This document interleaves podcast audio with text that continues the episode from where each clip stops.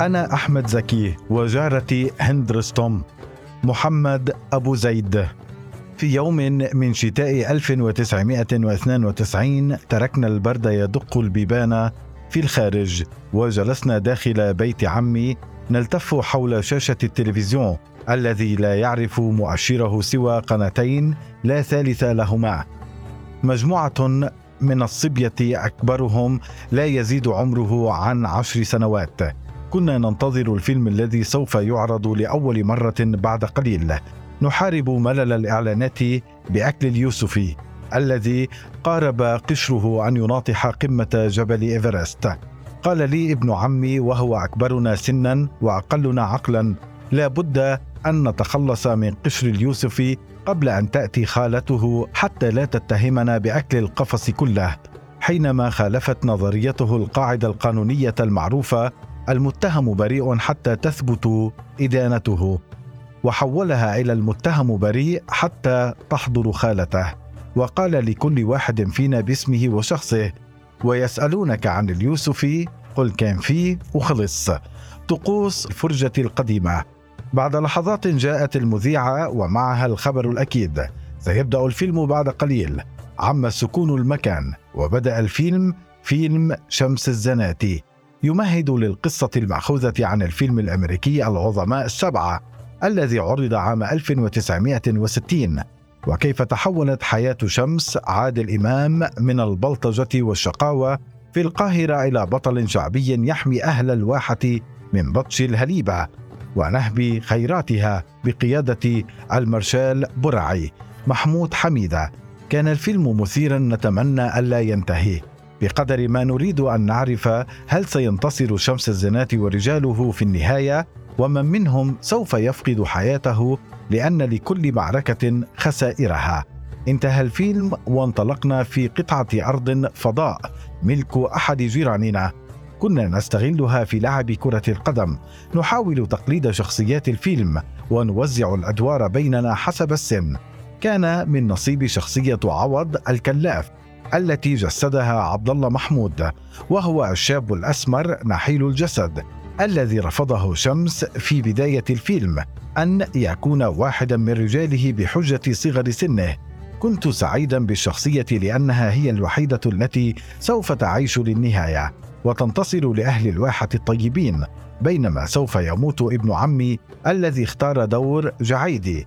جسده إبراهيم نصر ولا يهمه في الفيلم سوى الأكل ويدعي المرض حتى لا يذهب إلى المدرسة. فارس مدخن غاضب. عشقت وما زلت الفنان أحمد زكي وأتقمص شخصياته في أفلامه. تأثرت بشخصية علي عبد الستار في فيلم الحب فوق هضبة الهرم وهو شاب موظف لا يستطيع توفير نفقات زواجه من رجاء زميلته في العمل. فيقرر أن يتزوجها سرا وعندما يفشلان في الحصول على مكان مناسب يتقابلان فيه لا يجد سوى هضبة الهرم. كنت في مرحلة الإعدادية عندما شاهدني الأستاذ مرتضى مدرس الجغرافيا وكان يسكن بجوار بيتنا بمسافة قريبة وأنا خلف مبنى المدرسة أدخن سيجارة وعندما سألني عمن علمني التدخين. أجبته دون خوف أو تأنيب ضمير.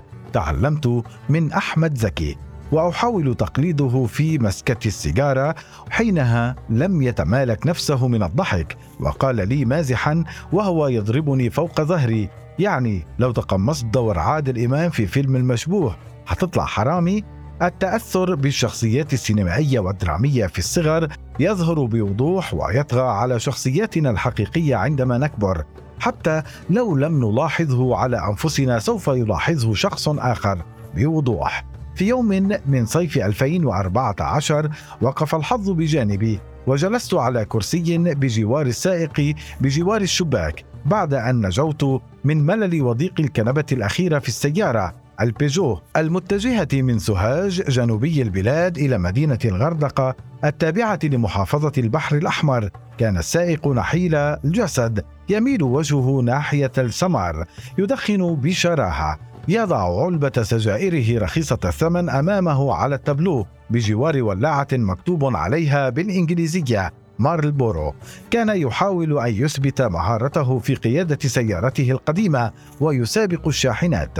السائق قليل الكلام. شارد الذهن لا أحد يعلم فيما يفكر في الطريق أم في معاناة لحقت به.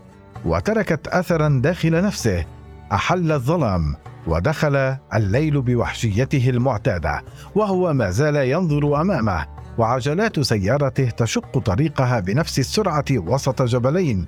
أخرج سيجارة وراح ينفس دخانها الذي تطاير في الهواء على شكل دوائر وأنا أختلس النظر له بطرف عيني من وقت لآخر. كنت أود سؤاله عن سبب الحزن الذي بات واضحا على قسمات وجهه ربما كلامه يخفف عنه ويهدئ من السرعة الجنونية التي حذره منها أحد الركاب. مستانسا بالمثل الشعبي في التأني السلامه وفي العجلة الندامة. تركته وحزنه. أخرجت يدي من الشباك وأمسكت بالأخرى هاتفي وفتحت SoundCloud واخترت أغنية تقول كلمتها. لملمت خيوط الشمس علشان أغزل لك شال. وعزفت حروف الهمس وفي أجمل غنوة قال وناديتك ما سمعتش والحال هو الحال.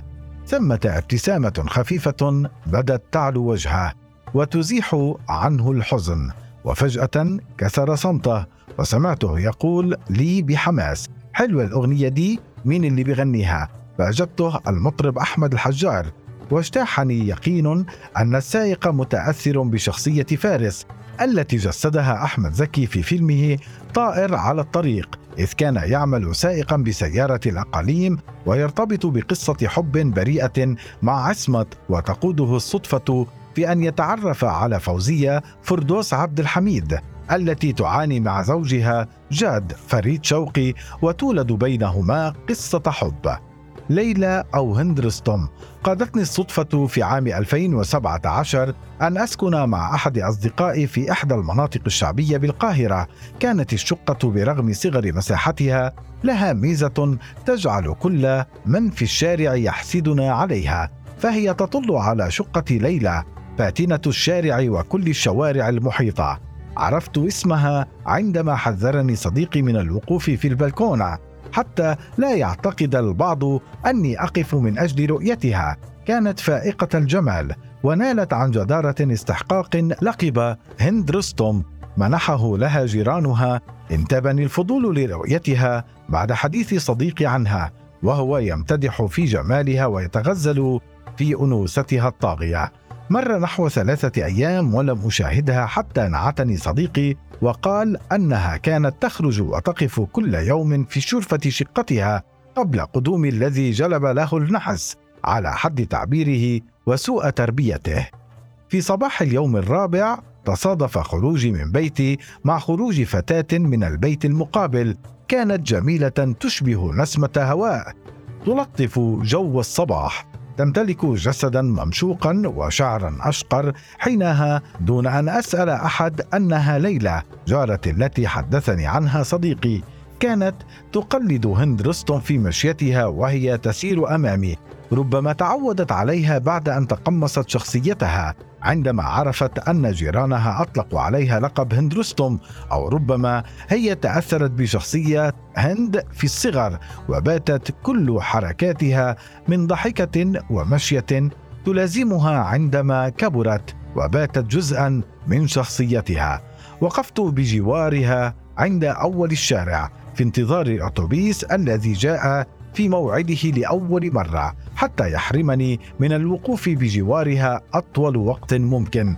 صعدت هي وجلست على كرسي خلف السائق وجلست أنا في الكرسي المقابل لها بجوار رجل خمسيني لم تنزل عيناه من عليها منذ أن وطأت قدماه سلم الأتوبيس وعندما نزلت بعد محطتين نزل الخمسيني خلفها وأكاد أجزم أنه نزل في محطة غير محطته وترك بجوار إحدى الجرائد القومية وكيس عايش.